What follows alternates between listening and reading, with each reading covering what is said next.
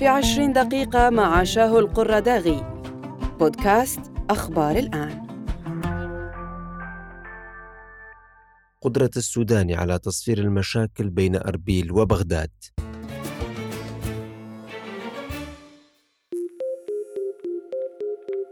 حصل رئيس الوزراء العراقي الحالي محمد شياع السوداني على الدعم الكردي بمنح الثقة لحكومته. مقابل منح العديد من التعهدات والوعود بحل الملفات العالقة بين أربيل وبغداد. وقد أبدى بعض الأطراف الكردية في الإقليم تفاؤلا حذرا بحل الملفات العالقة والتوصل إلى تفاهمات حقيقية تساهم في تصفير المشاكل بين الطرفين وخاصة مع إبداء الحكومة الجديدة استعدادها لمعالجة الملفات التي يعد أبرزها. ملف الموازنة المالية المخصصة لإقليم كردستان إضافة إلى مشروع قانون النفط والغاز الذي طرح منذ سنوات داخل البرلمان مع الملفات الأخرى العالقة المتعلقة بكركوك والمناطق المتنازع عليها والإدارة الأمنية لهذه المناطق وتطبيع الأوضاع فيها مجددا وإنهاء ملامح أسكرة المناطق المتنازع عليها. مرحبا بكم في حلقة جديدة من بودكاست في عشرين دقيقة. نتحدث فيها عن قدرة رئيس الوزراء العراقي الحالي محمد شياع السوداني على حل المشاكل العالقة بين أربيل وبغداد والتي قد تساهم بصورة كبيرة في تقييم أدائه وقدرته على الاستمرار في منصبه في حال نجاحه في معالجة هذه الملفات بصورة نهائية بعد سنوات على تأجيلها وتحول بعضها إلى عقدة مستعصية على صناع القرار.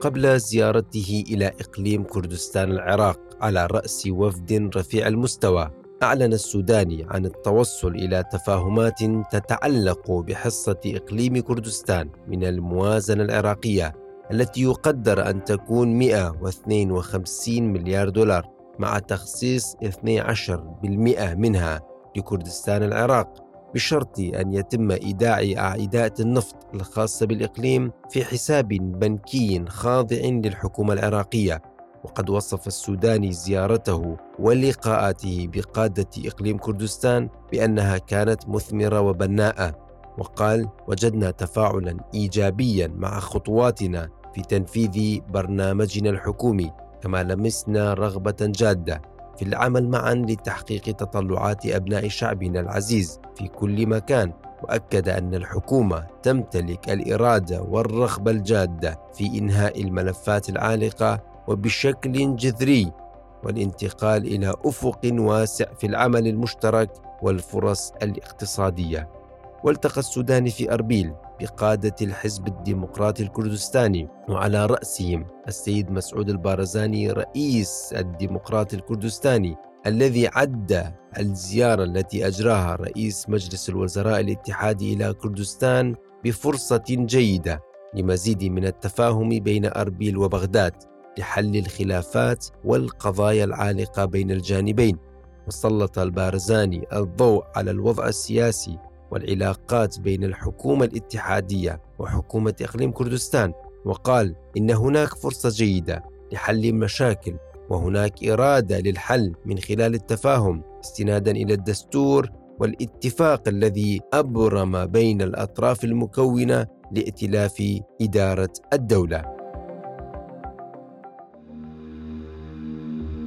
كما أكد نيتشيرفان بارزاني دعم حكومة الإقليم خطوات الحكومة العراقية الإصلاحية وأنها ستسير بالعراق إلى بر الأمان كما توجه السوداني بعد أربيل إلى مدينة السليمانية معقل الاتحاد الوطني الكردستاني والتقى بزعيم الاتحاد بافل طالباني ونائب رئيس حكومة الإقليم قباط طالباني. وقال السوداني في كلمة له خلال مشاركته في ملتقى السليمانية السابع. تعهدنا في برنامجنا الحكومي بتقديم الخدمات لشعبنا وبناء اقتصاد قوي ومتماسك كما أن الاستقرار المالي والسياسي يعبد الطريق أمام استثمار أمثل لثروة بلدنا الأولى وتشريع قانونا النفط والغاز والتفاهم مع إقليم كردستان العراق بهذا الصدد. وأضاف السوداني أن لقاءاتنا في أربيل كانت مثمرة والتقينا بمجموعة من رؤساء الأحزاب وممثلي المكونات وتحاورنا بلا قيود. ويرى المراقبون أن الوفد الرفيع الذي رافق السوداني والذي ضم وزراء الخارجية والداخلية والتخطيط والهجرة والمهجرين ورئيس هيئة المنافذ الحدودية ونائب الأمين العام لمجلس الوزراء ووكيل جهاز الأمن الوطني وعددا من المسؤولين الآخرين قد يكونوا إشارة واضحة بأهمية الزيارة والملفات التي سيتم التطرق إليها في محاولة لمعالجتها بصورة نهائية مستقبلاً.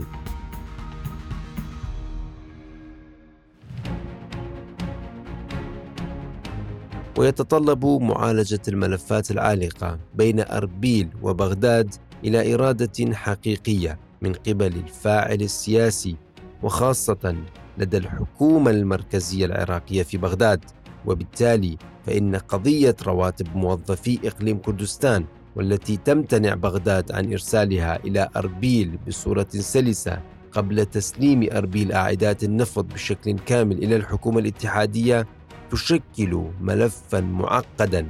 يؤثر على المواطنين في الإقليم وخاصة شريحة الموظفين. وقد تسبب هذه المشكلة في تدهور الوضع الاقتصادي في الإقليم منذ عام 2014 عندما قرر رئيس الوزراء العراقي الأسبق نور المالكي قطع حصة الإقليم بحجة وجود مشاكل سياسية.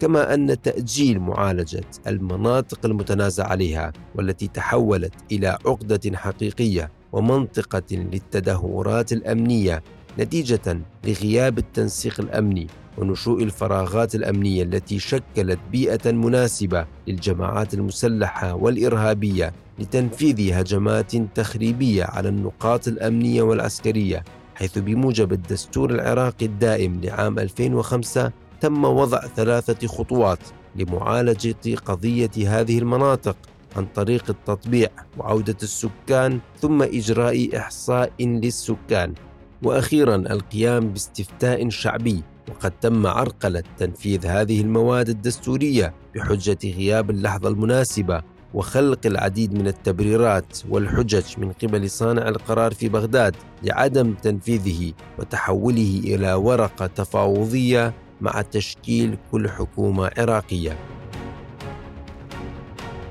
ويقول النائب عن تحالف الفتح رفيق الصالحي عن أجندة زيارة رئيس الوزراء إلى أربيل أن السوداني لديه تركة كبيرة من المشاكل العالقة بين القوى السياسية ومن الضروري تقريب وجهات النظر بين جميع الأطراف عبر العديد من الزيارات واللقاءات لإيجاد الحلول خلال الفترة الحالية وأضاف أن السوداني سيفتح ملف إعادة جميع الأموال التي جاءت من تصدير النفط في الفترة السابقة بأثر رجعي نتيجة عدم إرسالها من قبل حكومة الإقليم إلى بغداد إضافة إلى ملف سدود الإقليم وأزمة شحة المياه من أجل الوصول إلى حل يفضي بحل الأزمة على المستوى الداخلي.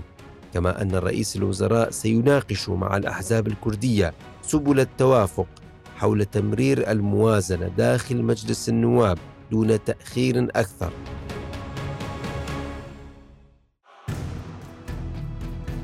وللمزيد حول هذا الموضوع نتحدث مع الباحث والخبير الاستراتيجي الدكتور علاء النشوع ونسأله أولا ما هي طبيعة الخلافات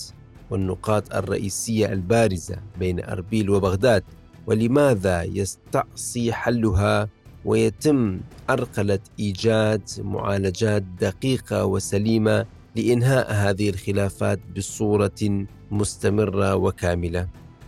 الحقيقة أن طبيعة الخلافات بين أربيل وبغداد تكمن في قضايا تتعلق بالنظام السياسي الذي تشكل بعد عام 2003 حيث أن الحكومات المتعاقبة والمشكلة لم تمتلك القرار السياسي لأنها تمتثل إلى أوامر وأجندات دول الجوار. وخاصة إيران وأن الشخصيات المحسوبة عليها والتي هي في سدة الحكم تخشى أي قرارات قد تتخذها في صالح الكرد مما يثير حفيظة السياسات الإيرانية التي تتخذها ضد أكراد إيران أو يدخل في حسابات قيام الدولة الكردية التي ترفضها إيران وتركيا. هذا من جانب أما الجانب الآخر فإن إقليم كردستان بتطوره وتنامي نفوذه دوليا ويحظى بثقة عالية من المحيط الدولي والإقليمي فإن ذلك أمر أصبح يشكل عقدة سياسية لكثير من المسؤولين في الحكومة المركزية التي تعيش العزلة وعدم الثقة من المجتمع الدولي بالإضافة إلى تحديات الملفات الساخنة وخاصة ملفات الأمن والصحة والتعليم وغيرها من الملفات التي جعلت الأمور تأخذ شكل الحقد والحسد والكراهية لدى المسؤولين.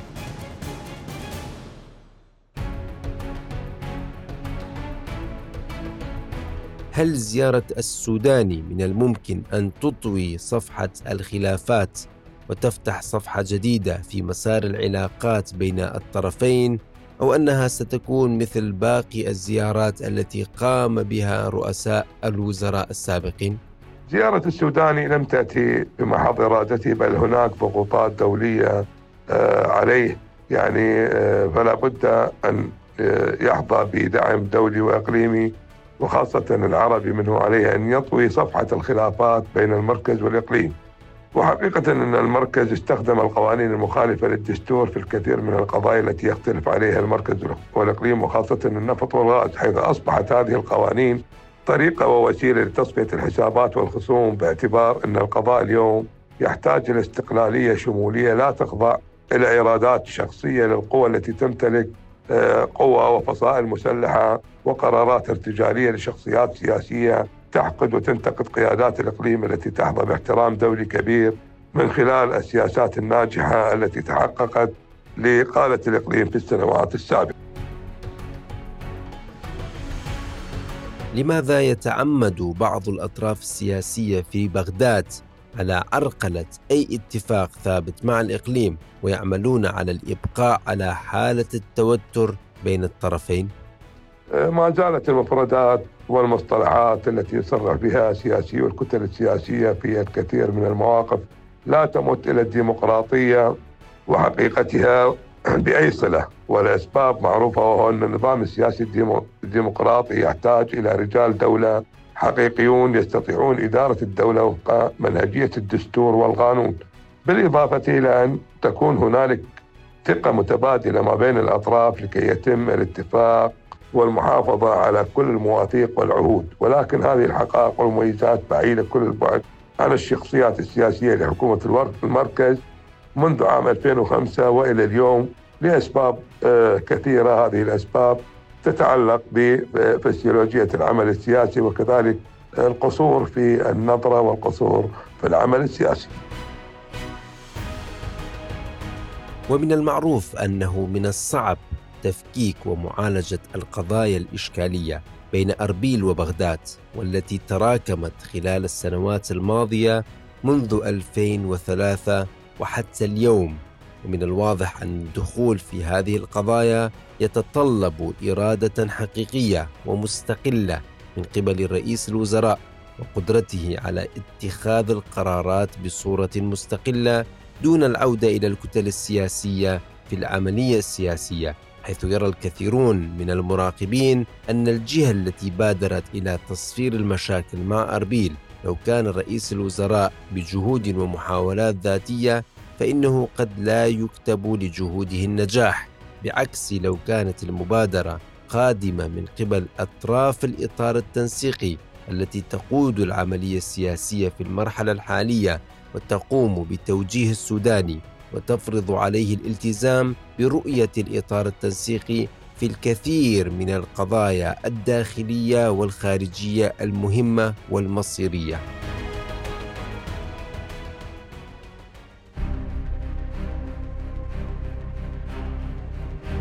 وقد سبق للعديد من رؤساء الوزراء العراقيين أن عبروا عن إرادتهم في معالجة المشاكل العالقة بين أربيل وبغداد إلا أنهم في نهاية المطاف وقعوا تحت تأثير الضغوطات السياسية للأحزاب الفاعلة إضافة إلى الأجندة الخارجية وخاصة الإيرانية التي تؤثر دائما على مسار المفاوضات وتؤدي إلى زيادة تعقيد المشاكل بدل المساهمة في معالجتها حيث تعمل إيران بصورة دائمة على استخدام الحكومة المركزية في بغداد كوسيلة وأداة ضغط ضد حكومة إقليم كردستان وخاصة الحزب الديمقراطي الكردستاني. ومن الصعب أن يتم التأسيس لمرحلة جديدة وبناء علاقات إيجابية بين أربيل وبغداد مع استمرار النفوذ الإيراني وقدرة طهران. على التأثير على الحكومة العراقية لممارسة ضغوطات مستقبلية على حكومة الإقليم في حال حصلت خلافات بين طهران وأربيل بخصوص ملفات عديدة مثل الملف الأمني الذي تحاول طهران أن تفرض رؤيتها الأمنية على الإقليم بصورة كاملة. ومن الواضح أن قدرة السوداني على إنهاء المشاكل العالقة بين أربيل وبغداد خلال الأشهر القادمة يعد امتحانا حقيقيا للسوداني في مدى التزامه بتعهداته وقدرته على تنفيذ رؤيته بخصوص الملفات العالقة التي تواجه حكومته وإرسال رسالة طمأنة للأطراف الكردية بإمكانية أن تكون هذه الحكومة مختلفة عن الحكومات السابقة وتستطيع تحويل وعودها إلى خطوات على أرض الواقع ويتم تفضيل مصلحة العراق والعراقيين على الأجندة الحزبية الضيقة والمصالح الخارجية للدول الإقليمية وخاصة إيران.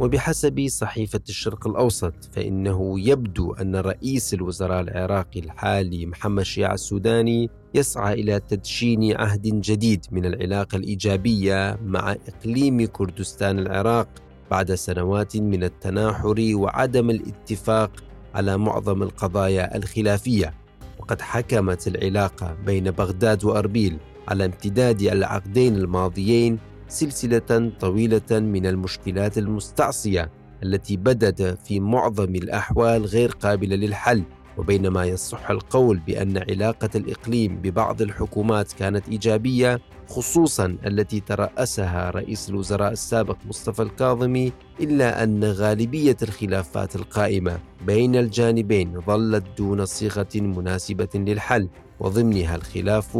حول التزام الإقليم بتسديد سعر 250 ألف برميل من النفط الذي يصدره لصالح بغداد ويشترطه قانون موازنة البلاد الاتحادية. وبحسب الصحيفة فإنه ليس من الواضح بعد في نظر المراقبين ما إذا كان السعي للتفاهم والتقارب بين بغداد وأربيل يأتي ضمن مبادرة خاصة من السودان نفسه أم من تحالف إدارة الدولة؟ الذي يهيمن عليه قوى الإطار التنسيقي التي أوصلت السودان إلى سدة الحكم وانخرط فيه وقت ذاك معظم القوى الكردية من ضمنها الحزب الديمقراطي الكردستاني الذي يهيمن على حكومة أربيل. وفي الحالين فإن أولى ثمرات هذا التقارب حصول وزارة المالية في إقليم كردستان على مبلغ 400 مليار دينار من بغداد لتمويل مرتبات موظفيها. ويبدو أن هناك فرصة جديدة للوصول إلى تفاهمات حقيقية وإنهاء المشاكل التاريخية التي حصلت بين الطرفين.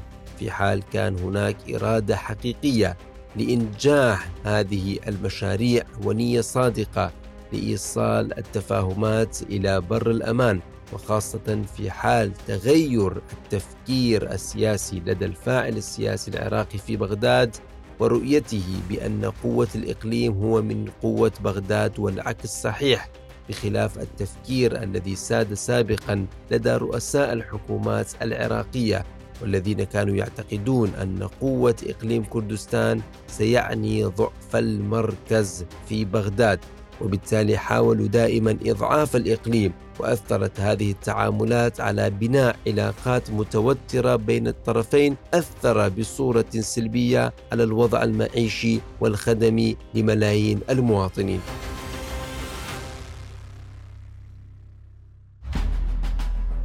إلى هنا ننتهي من حلقة هذا الأسبوع من بودكاست في 20 دقيقة. تحدثنا فيها عن إمكانية وقدرة رئيس الوزراء العراقي الحالي على إدارة المشهد ومعالجة المشاكل العالقة بين أربيل وبغداد. شكرا لكم لحسن الاستماع وإلى اللقاء في الحلقات القادمة.